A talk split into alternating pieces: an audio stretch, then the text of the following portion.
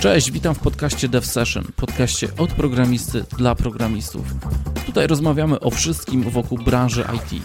Ja nazywam się Grzegorz Kotwis i mam przyjemność zaprosić Cię na kolejny odcinek. Dobrego odbioru.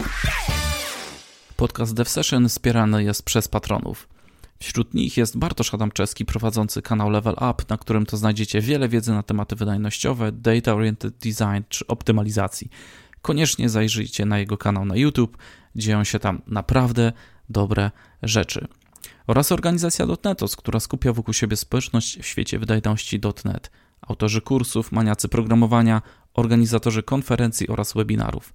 Po Async Expert szykują coś nowego, .NET Diagnostic Expert – diagnostyka, profilowanie, rozwiązywanie problemów z aplikacjami .NET. Koniecznie zajrzyjcie na ich stronę dotnetos.org. Dla przypomnienia, ja nazywam się Grzegorz Kotwis, a to jest podcast Dev Session. Jeśli chciałbyś się ze mną skontaktować, to pisz na adres kontakt małpa devsession.pl Cześć Błażej. Migdała mi niedawno informacja o Asper IT i zaciekawiła mnie Wasza działalność. Nie miałem pojęcia o istnieniu fundacji tego typu i myślę, że wiele osób w społeczności programistycznej także jej nie ma. Dlatego chciałbym porozmawiać o tym, jak działacie, jaki jest cel projektu Asperity, trochę o EFAS, Europejskiej Fundacji Aktywizacji Społecznej. Jako, że jest to nasz pierwszy kontakt, przesyłam kilka informacji o mnie i mojej działalności w załączniku. Pozdrawiam, Grzegorz Kotwis.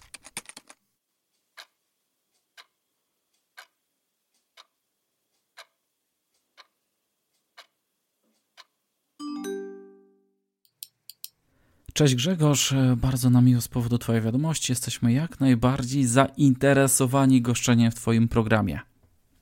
Yes! Robimy to.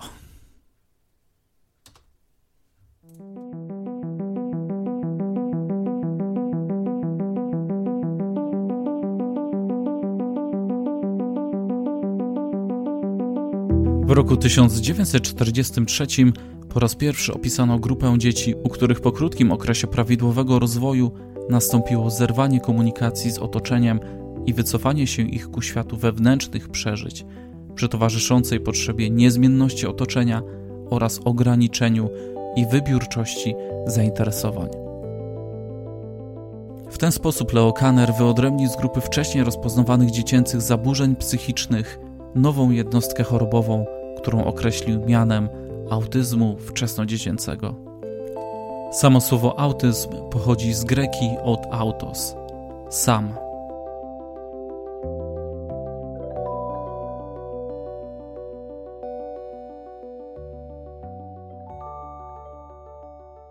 Jacek Śmigiel, y, tutor projektu Asper IT.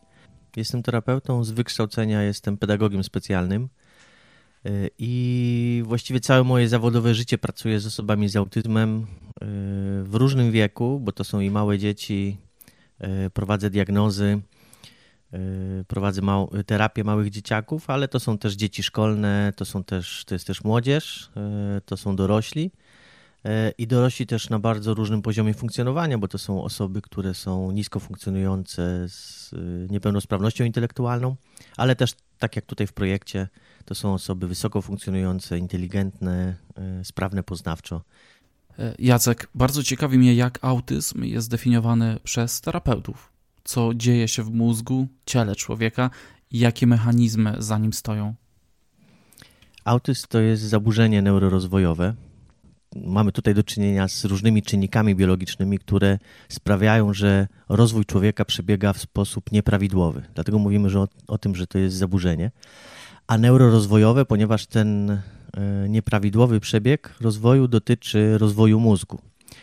E, I w wyniku tego procesu, bo jest to proces, to nie dzieje się od razu, nie dzieje się nagle, e, zaczyna się dziać w bardzo wczesnym dzieciństwie. Mówi się o tym, że to już pierwsze tygodnie czy miesiące życia dziecka, ale objawy zaczynają pojawiać się dopiero około drugiego, trzeciego roku życia i wtedy też się diagnozuje to zaburzenie.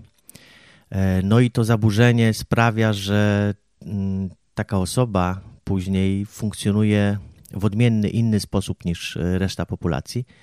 E, dlatego też mówimy o takich osobach, że to są osoby neuronietypowe, bo ich mózg nietypowo przetwarza informacje, nietypowo reaguje, tworzą się nietypowe modele spostrzeżeń. No i w związku z tym później to funkcjonowanie jest też no, problematyczne. I objawia się to w, w dalszym życiu w trzech objawach. Nazywamy to objawami osiowymi autyzmu. E, pierwszy z nich to są interakcje społeczne, to są zaburzenia dotyczące tego, w jaki sposób nawiązuje się takie relacje, w jaki sposób się je e, później realizuje. E, drugi objaw to są zaburzenia komunikacji, co też ma po prostu źródło, ale też później taki efekt zaburzonych relacji społecznych. No i trzeci objaw dotyczy wzorców zachowań, które są związane z rozwojem wyobraźni i spontaniczności, ponieważ w autyzmie takim bardzo typowym rysem jest właśnie to, że te osoby są e, stereotypowe. To znaczy mają dużo różnych takich powtarzalnych e, zachowań, które rodzą później różne rytuały, ale też e, czasami są źródłem różnych przymusów, perseweracji. Funkcjonowanie w odmienny sposób, zaburzenia interakcji społecznych, komunikacji czy wzorców zachowań. E, to daje pogląd, czym jest autyzm, jak wpływa na człowieka, ale czym konkretnie objawia się w codziennym życiu, jak wyglądają problemy z komunikacją w ogóle w autyzmie to są naprawdę bardzo różne rzeczy i to jest bardzo szerokie spektrum, bo zaburzenia komunikacji mogą dotyczyć w ogóle braku mowy. Ta mowa się po prostu nie rozwija. To są osoby niemówiące, przy czym nie są w stanie wykorzystywać innych środków yy, ekspresji do tego, żeby się porozumiewać z otoczeniem, bo jest wiele osób, które nie mówią, na przykład osoby głuchonieme, które jednak mają tą intencję komunikacyjną i potrafią kompensować brak mowy. Tutaj w autyzmie nie ma tej kompensacji właśnie, yy, więc to jest pierwszy objaw.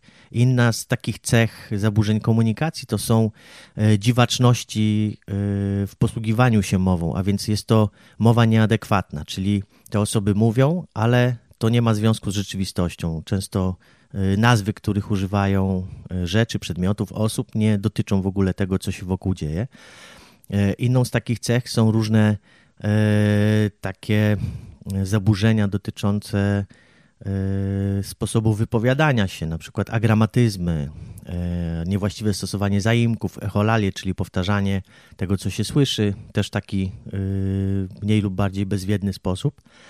No i inną cechą u tych właśnie osób wysoko funkcjonujących, te zaburzenia komunikacji dotyczą tak zwanych zaburzeń semantyczno-pragmatycznych, to znaczy te osoby nie są w stanie bardzo często rozumieć znaczenia e, wypowiedzi, ciągu wypowiedzi, jeśli to są wypowiedzi złożone na przykład, e, albo też nie są w stanie rozumieć kontekstu sytuacyjnego tej wypowiedzi, e, a biorąc pod uwagę bardzo dużą taką niuansowość tego, w jaki sposób my się posługujemy mową, gdzie jakieś słowo, zdanie czy E, wypowiedź jest zależna od kontekstu, ale też od naszej e, mimiki, od naszego tombru głosu. Więc tutaj bardzo dużo czynników, które my analizujemy nieświadomie, e, sprawia, że my rozumiemy, co druga osoba chce powiedzieć. Te osoby mają z tym ogromne trudności, ponieważ bardzo często nie wykształcają takiej funkcji poznawczej, którą nazywamy teorią umysłu. Teoria umysłu oznacza umiejętność przypisywania sobie i innym przekonań, pragnień i intencji. Najprościej można ją określić jako odczytywanie, o czym drugi człowiek myśli i czego potrzebuje.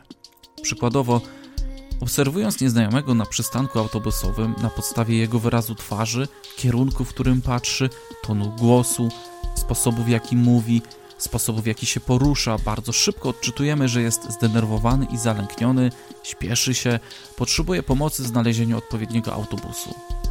Przeprowadzone badania wykazują, że osoby ze spektrum autyzmu w mniejszym stopniu potrafią odczytywać stan umysłu innych ludzi. Brak tej teorii umysłu na różnym poziomie rozwoju sprawia, że osoby mają ogromną trudność, żeby rozumieć. Przyczynia się to do trudności w utrzymaniu relacji z drugą osobą, zwłaszcza intymnych.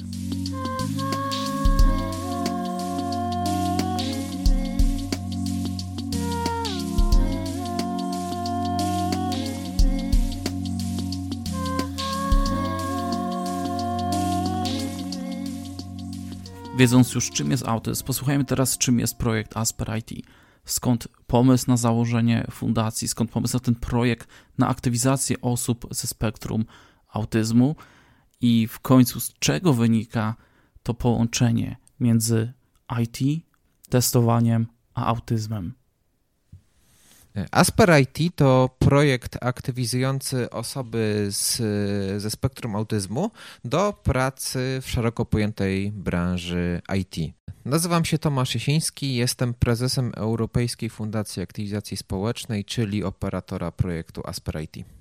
My się wywodzimy ogólnie z branży IT. Zrealizowaliśmy, no, można powiedzieć, kilka takich projektów udanych, kilka projektów nieudanych. W momencie, gdy udało nam się sprzedać jeden z naszych biznesów, zajmowaliśmy się masową wysyłką SMS, doszliśmy do wniosku, że chcielibyśmy zrobić e, coś, co by łączyło nasze doświadczenia komercyjne w branży e, i co by mogło pomóc tak naprawdę innym. Nie mieliśmy na to jakiegoś specjalnego pomysłu, ale w internecie znaleźliśmy informacje o tym, że osoby autystyczne e, są za granicą bardzo cenionymi pracownikami, mają niebywałe predyspozycje do tego właśnie, żeby pracować z różnymi danymi. Branża IT, e, branża finansowa to są miejsca, w których się świetnie odnajdują i po prostu postanowiliśmy e, sprawdzić, czy ten pomysł by chwycił w Polsce, bo tego tak naprawdę e, do tej pory nie było. Zbadaliśmy temat, okazało się, że jest bardzo duże zapotrzebowanie na e, tego typu inicjatywę i postanowiliśmy troszkę poeksperymentować, właśnie uruchamiając taką pierwszą edycję Asperity. Udało się i teraz, że tak powiem, kontynuujemy i idziemy dalej rozwijając ten nasz pomysł. Tomek, a czy to było tak, że obudziłeś się rano, pewnego dnia z taką gotową myślą: OK, będę teraz pomagał osobom ze spektrum autyzmu? To jakoś tam się przez lata, przez lata rodziło taka chęć zrobienia czegoś więcej niż e, takiego projektu, który by miał przynosić e, same pieniądze. Oczywiście, no wiadomo, że pieniądze są ważne w życiu, bo jakoś trzeba rodzinę utrzymać i, też rozwijać, rozwijać biznes, płacić ludziom, z którymi się pracuje, ale chcieliśmy też zrobić coś więcej, właśnie pomóc, e, pomóc innym, a jeżeli się, a jak się pojawiła e, możliwość połączenia tego, tego na czym się znamy, co lubimy i jeszcze pomagania innym, no to tak naprawdę długo się nie zastanawialiśmy nad tym, w którą stronę pójść. Dlaczego akurat wybraliście osoby ze spektrum autyzmu? To wynika chyba ze specyfiki osób autystycznych, tak to, tak to ujmijmy bardzo często, e, jakby, jakbyś spojrzał na osoby z autyzmem, e, przeanalizował to, w jakich, e, jak oni funkcjonują, jak się zachowują i mając doświadczenie właśnie w branży IT, pomyślałbyś, że większość dobrych programistów ma coś tam związanego ze spektrum autyzmu. Bardzo często jest to mylne wrażenie, po prostu jest to charakterystyka introwertyków, których bardzo dużo mamy w branży, e, ale e, osoby, które są dotknięte autyzmem, e, właśnie z uwagi na to, jak ich mózg funkcjonuje, mają niebywałe predyspozycje do tego, żeby wykonywać pracę w branży bardzo efektywnie, bardzo skutecznie. A poprzez to, że połączyliśmy, że tak powiem, te, te, te fakty, chcieliśmy z jednej strony pomóc właśnie tym osobom, które być może nawet nie wiedzą o tym, że mogłyby się świetnie odnaleźć e, właśnie w takim zawodzie, dodatkowo pomóc całej branży, bo tak naprawdę na rynku polskim e, ludzie związani właśnie z IT nawet często nie wiedzą o tym, jaki, jaki to jest potencjał, jak dużo można dokonać właśnie z tego typu osobami. A dodatkowa kwestia jest jeszcze taka, bo my się skupiliśmy na pomocy osobom dorosłym z autyzmem. W Polsce e, osoby z autyzmem bardzo często mają możliwość uzyskania jakiegoś tam stopnia niepełnosprawności. W wieku od wieku dziecięcego poprzez wiek szkolny system tymi osobami się e, opiekuje w taki sposób, że mają szansę na jakąś tam pomoc socjalną, jakieś zapomogi, jakieś E, ulgi w szkole, a w momencie, gdy te osoby kończą 18 lat, Są one przyzwyczajone w pewnym stopniu do tego, że ta pomoc od państwa jest, a nagle system o nich zapomina. I e, jak jeszcze robiliśmy takie, można powiedzieć, e, badania, jak sprawdzaliśmy, czy ten nasz pomysł chwyci, e, kontaktowali się z nami bardzo dużo rodziców, którzy właśnie opowiadali o tym, że o ile oni się teraz tymi osobami opiekują, to mają obawy, co będzie, jak na przykład nie starczy im już sił, albo jak ich zabraknie. Dla nas to było troszkę takie przerażające, ponieważ no, jak patrzyliśmy na przykłady z zagranicy, gdzie te osoby świetnie funkcjonują e, i naprawdę są świetnymi fachowcami w branży, dla nas, nas, to, nas, to, nas to dziwiło, że w Polsce jest po prostu taka sytuacja. I dzięki temu, że my ich wdrażamy do, właśnie wdrażamy do branży, tak jak wcześniej wspomniałem, nie tylko tylko pomagamy samej branży dostarczając naprawdę świetnych specjalistów, to też pomagamy ich całym rodzinom, którzy teraz są spokojne, znaczy osoby, które widzą, że te osoby mogą się odnaleźć właśnie w takim zawodzie, są teraz spokojniejsze o to, co będzie za 10-15 lat właśnie z naszymi beneficjentami. Zrodził się pomysł. Wiemy, co chcemy robić. Pytanie teraz, jak się do tego zabrać? Czy potraktować to jak każdy typowy projekt biznesowy, gdzie dobrze jest wpierw sprawdzić nasz pomysł.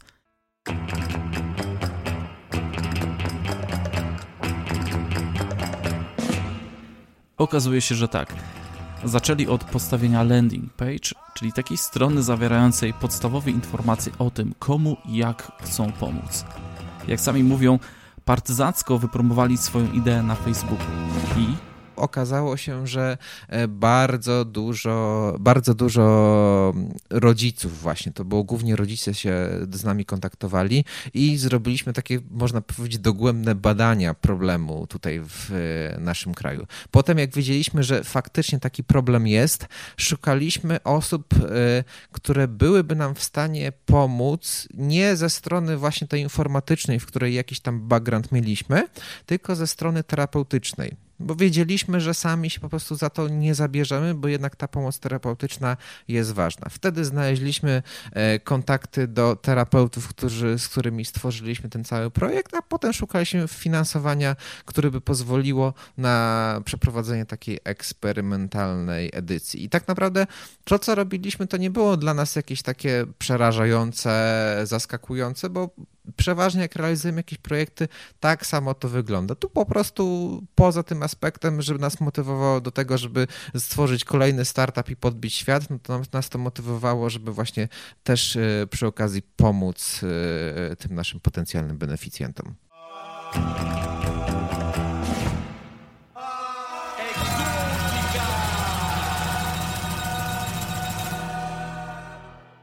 Tomek, kto oprócz ciebie wchodzi w skład fundacji jakie są role tych osób? Na co dzień współpracujemy z Błażejem Knapikiem, który jest koordynatorem fundacji. E, jest Karolina Zych, która jest odpowiedzialna za wdrażanie innowacji i kontakty z partnerami. E, poza tym mamy zespół terapeutów, którymi dowodzi Jacek Śmigiel, który jest takim, że tak powiem, e, stałym członkiem naszego zespołu.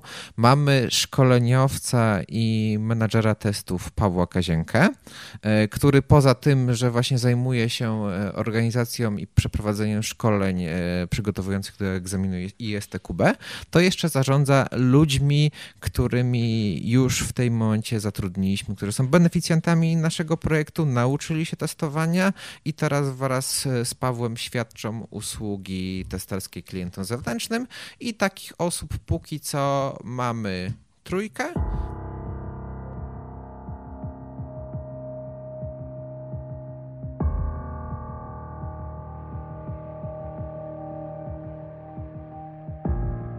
Nazywam się Paweł Kazienko. E, w Asper IT jestem przede wszystkim trenerem testowania.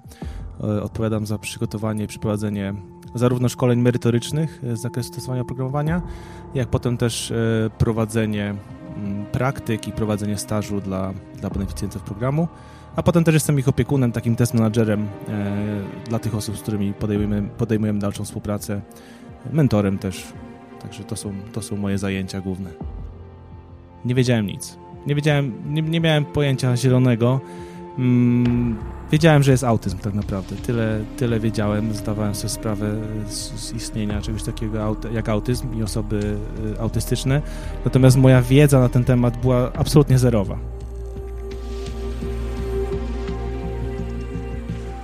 Paweł Kazienko odpowiedzialny jest za przeprowadzanie szkoleń, opracowanie materiałów i przygotowanie uczestników do egzaminu ISTQB oraz praktyk zawodowych.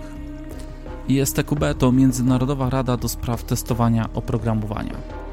Certyfikat ten jest potwierdzeniem wiedzy na temat wytwarzania oprogramowania z naciskiem na testowanie. Podczas wielu weekendowych spotkań przekazuje uczestnikom prawdziwą bombę informacyjną. Teoria, ćwiczenia, zadania domowe, poznawanie słownictwa. Tak przygotowany program daje możliwość praktycznej nauki zawodu testera. Daje możliwość zobaczenia, czym testerzy zawodowo zajmują się na co dzień.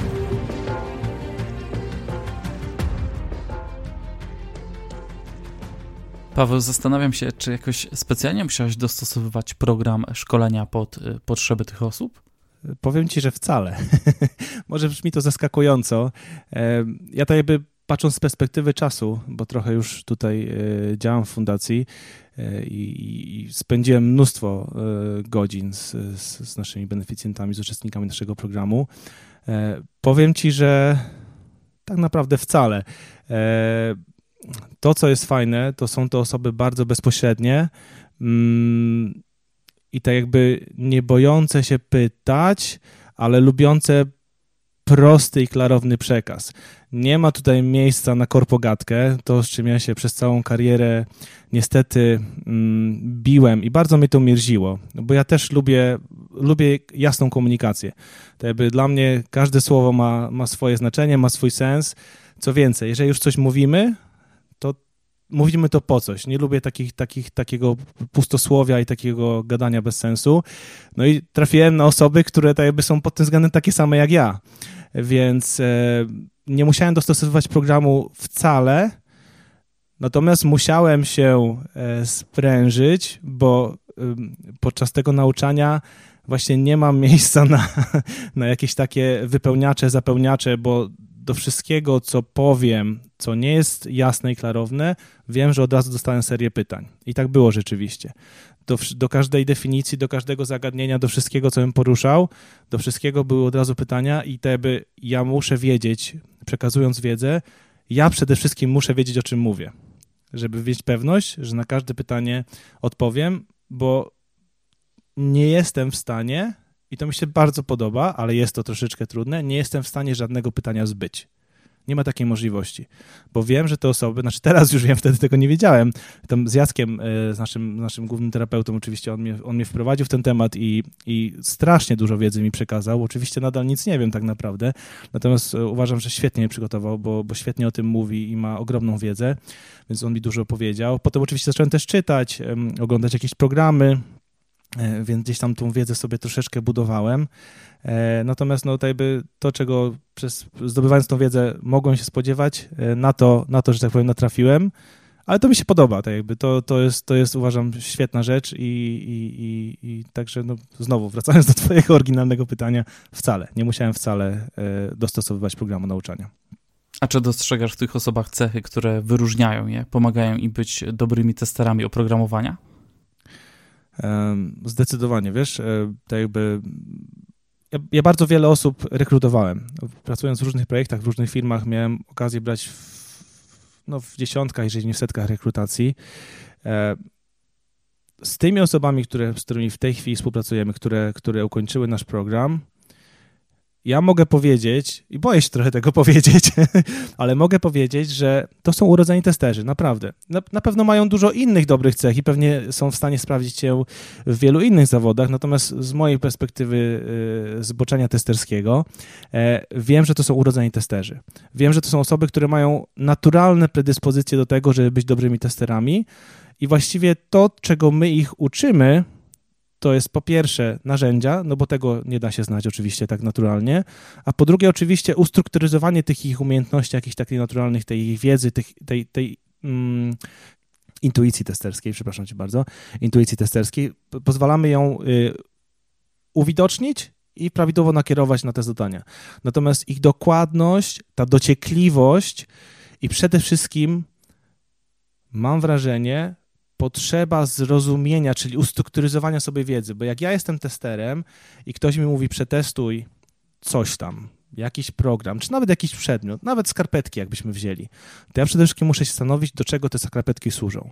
W jakich różnych sposobach mogę z nich korzystać, co mogę z nimi zrobić, jak niefunkcjonalnie muszą y, działać, czyli jak, jak wytrzymałe mają być na ścieranie, na rozciąganie.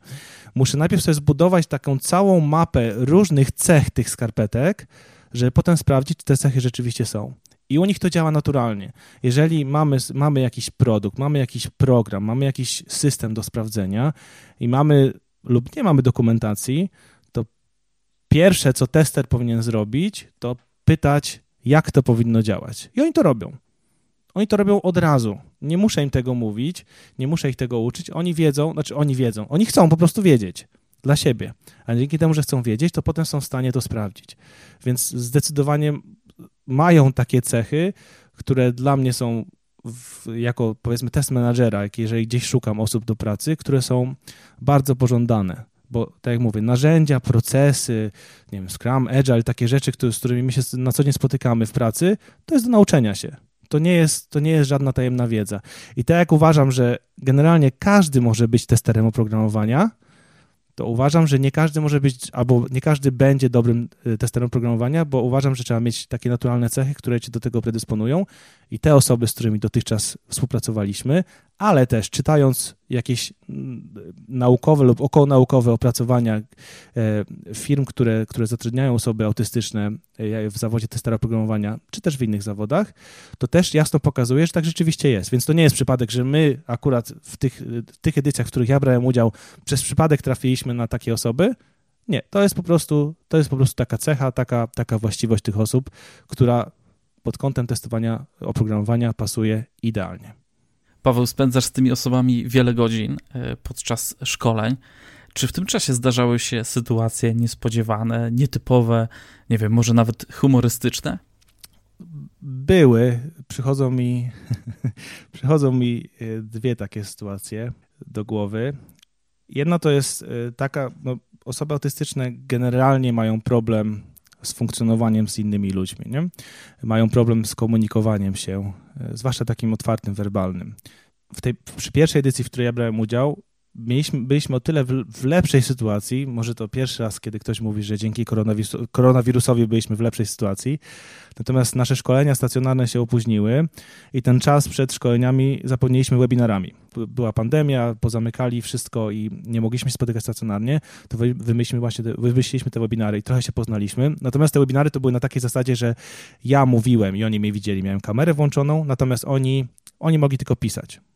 No i y, zaczęliśmy sobie, zaczęliśmy się szkolić, już spotkaliśmy się e, face to face, że się tak wyrażę. I, i, i, i był taki chłopak, który no, praktycznie się nie odzywał. Miał taką skwaszoną, poważną minę, powiedzmy.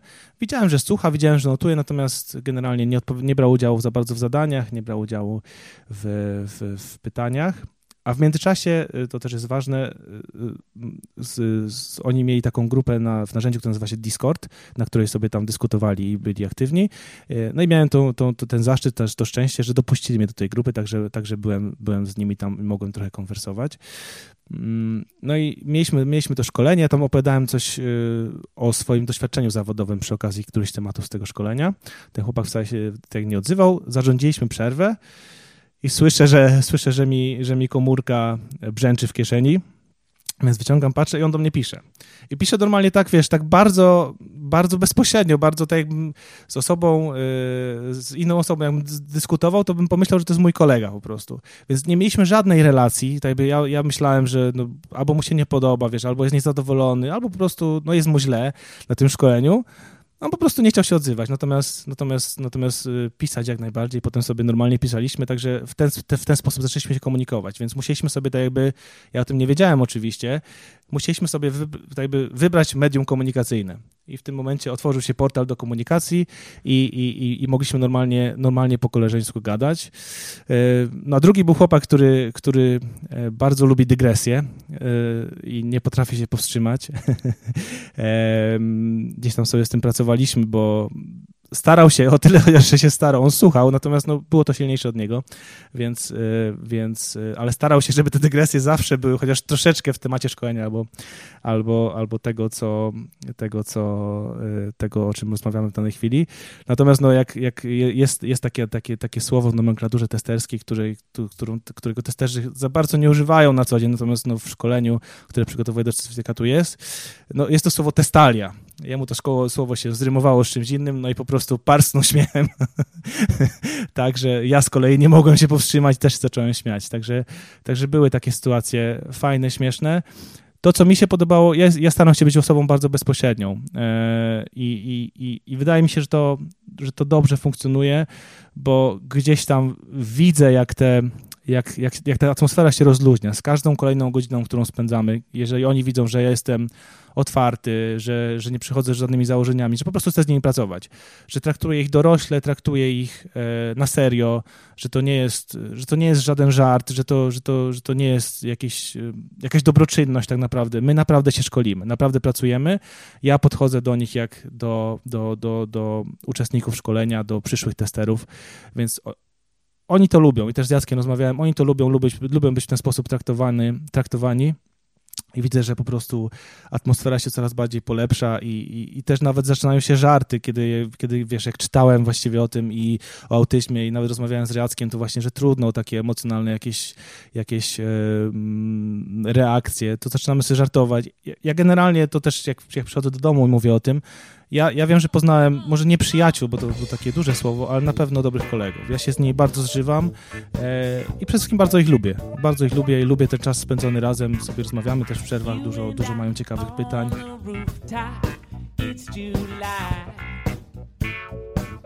Czym byłby projekt bez koordynatora? Człowiek, który ogarnia prawie wszystko, od kawy po rezerwację miejsc a nawet kiedy ktoś się zgubi, doprowadzi na miejsce. Poznajcie Błażeja, który to właśnie jest koordynatorem projektu Asper IT i opowie nam więcej o tym, czym jeszcze zajmuje się w Fundacji EFAS, jak wyglądają jego codzienne zadania, z czym się mierzy jak wygląda samo szkolenie w projekcie Asper IT. Nazywam się Błażej Knapik i jestem koordynatorem projektu Asper IT. E, moja rola generalnie polega na tym, że jestem takim człowiekiem od wszystkiego. E, załatwiam nieco papierkowej roboty, kontaktuję się z naszymi partnerami, z którymi akurat współpracujemy przy organizacji edycji, e, kontaktuję się z samymi uczestnikami szkoleń, pilnuję tego, żeby dotarli na miejsce, dotarli na miejsce o czasie, żeby mieli wodę w trakcie tego szkolenia, żeby nie uschnęli nam tam spragnienia przy przyswajaniu takiej dawki wiedzy, e, żeby mieli może coś zjeść, e, żeby wszystko było dopięte, żeby w trakcie chociażby praktyk, kiedy wymagane są komputery, żeby te komputery działały, żeby było prąd. E, organizuję także jakieś kontakty z mediami, tak jak mówiłem, z partnerami. No i taka praca biurowa właśnie na zasadzie przygotowania im potem certyfikatów, żeby generalnie, żeby wszystko działało, grało, było na miejscu i żeby wszyscy byli zadowoleni, żeby szkoleniowiec miał gdzie prowadzić szkolenia, a uczestnicy mieli gdzie usiąść. Błażej, jak wygląda edycja projektu Asper IT? Z jakich faz się składa?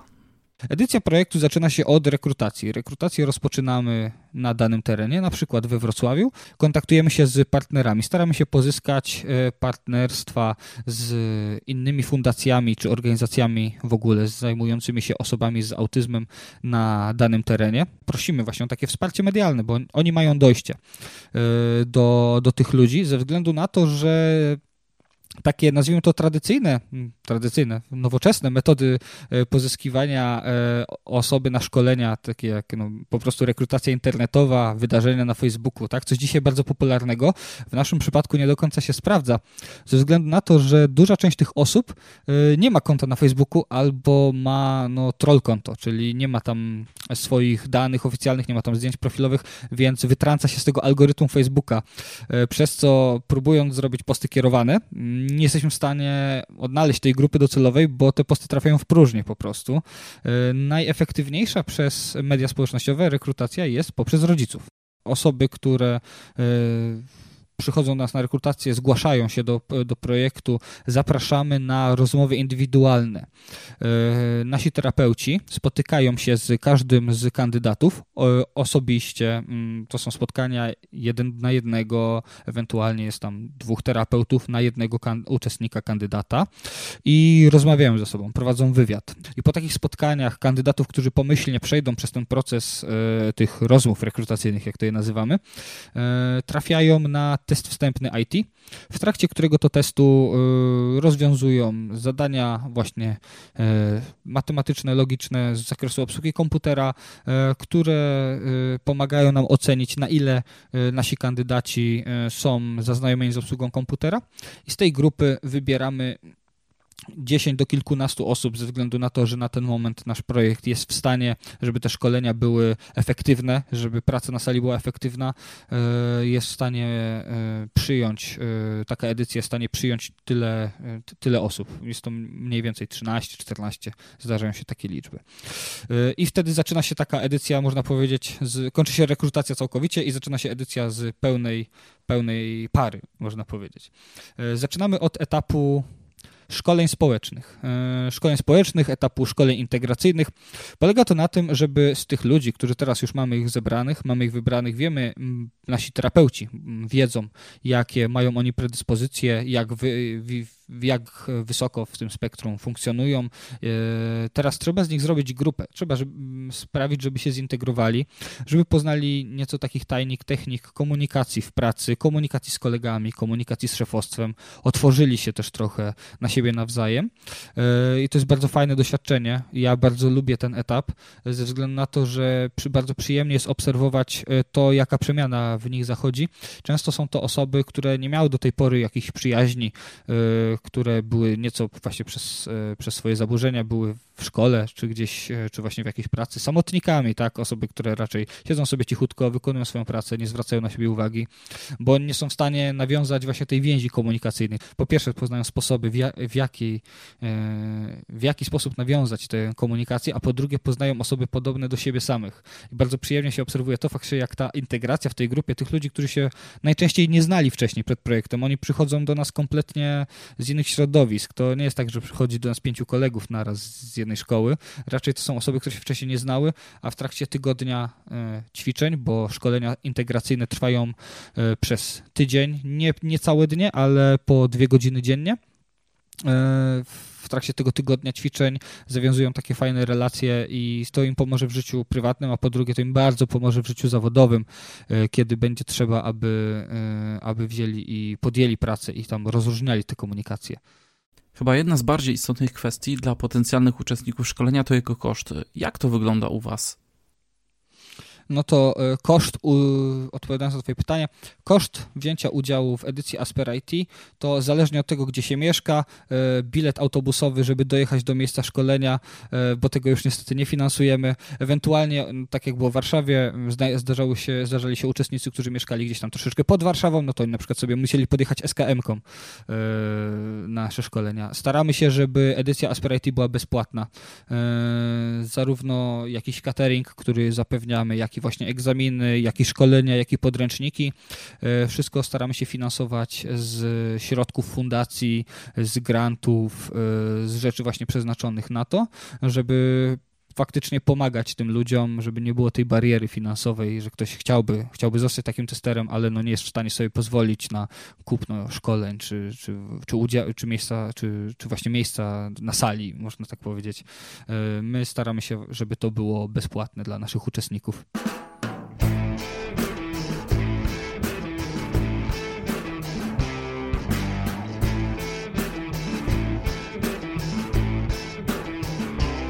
Jak sami mówią, wywodzą się z Wrocławia. To tam dotychczas realizowali edycję projektu Asper IT. W tym roku, pomimo pandemii, z sukcesem zorganizowali pierwszą edycję w Warszawie.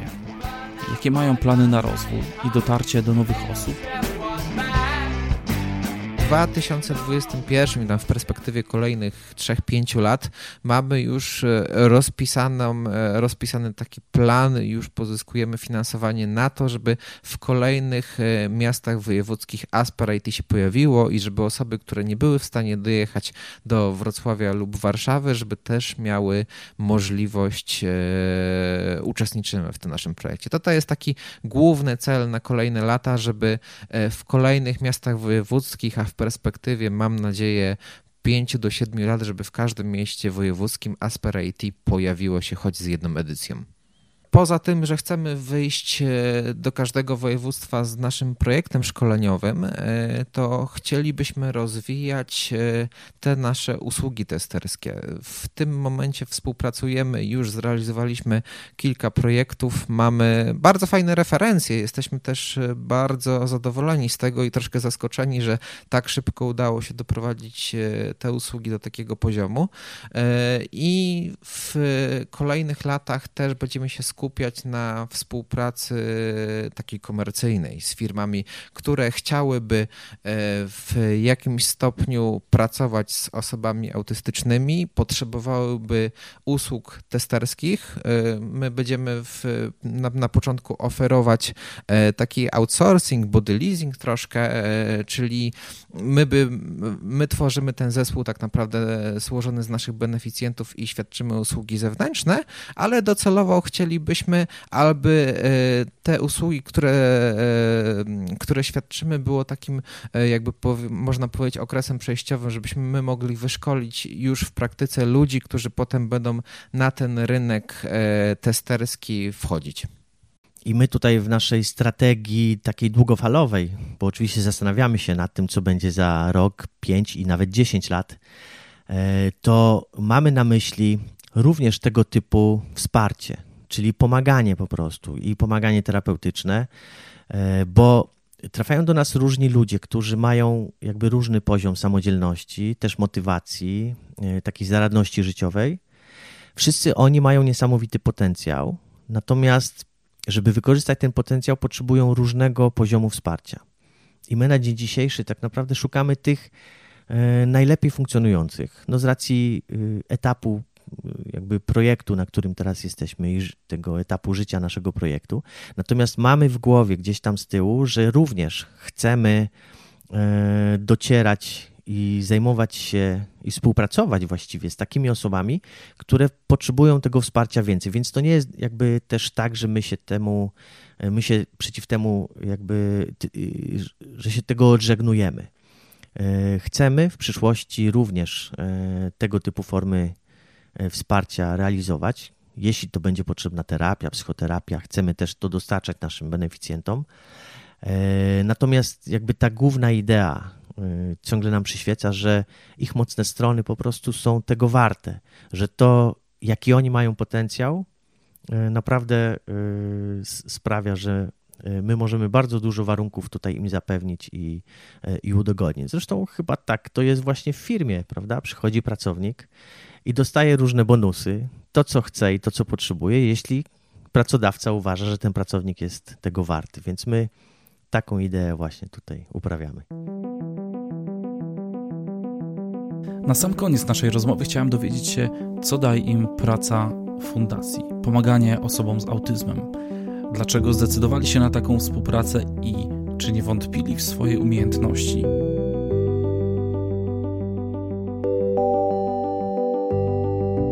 na pewno wartość y, ogromną obcowania z ludźmi. Ja jestem bardzo osobą społeczną, można powiedzieć. Bardzo lubię przebywać y, z innymi ludźmi, bardzo lubię ich poznawać, bardzo lubię y, ogarniać to, czym oni żyją. Sam trochę nie wierzę, że to mówię i jak, się, jak patrzę z perspektywy czasu, e, ja się rzuciłem na nieznane. Oprócz tego, że jakby znam się na testowaniu i, i, i, lubię to testowanie i to mi też pomaga oczywiście, no bo uczyć czegoś, co się, co się lubi i potrafi, to jest właściwie dla mnie sama przyjemność.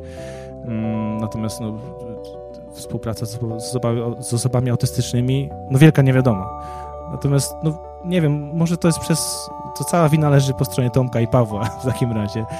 Nie, nie miałem takiej chwili, naprawdę. I sam się, sam się temu dziwię. Ja, ja, w, ja w swoim życiu wiele razy się denerwowałem przed jakimiś właśnie wystąpieniami albo, albo no, nowymi rzeczami. To takie naturalne, że, że, że boimy się nieznanego, osoby z autyzmem mm, są bardzo ciekawe pod tym kątem, bo one są zupełnie inne ode mnie w pewnym sensie, że, y, że mają naprawdę jakieś niesamowite czasami umiejętności, dla których dla mnie to jest po prostu jakiś wow.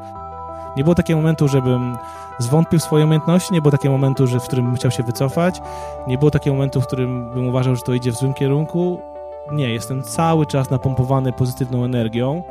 Oni mają naprawdę duże predyspozycje do pracy, do życia, do radzenia sobie samodzielnie, tylko trzeba im troszeczkę pomóc, trzeba im pokazać, gdzie mogą pójść, w jaki sposób mogą pójść yy, i, i to, to mnie właśnie strasznie kręci w tych, yy, w tych działaniach, które, które robimy.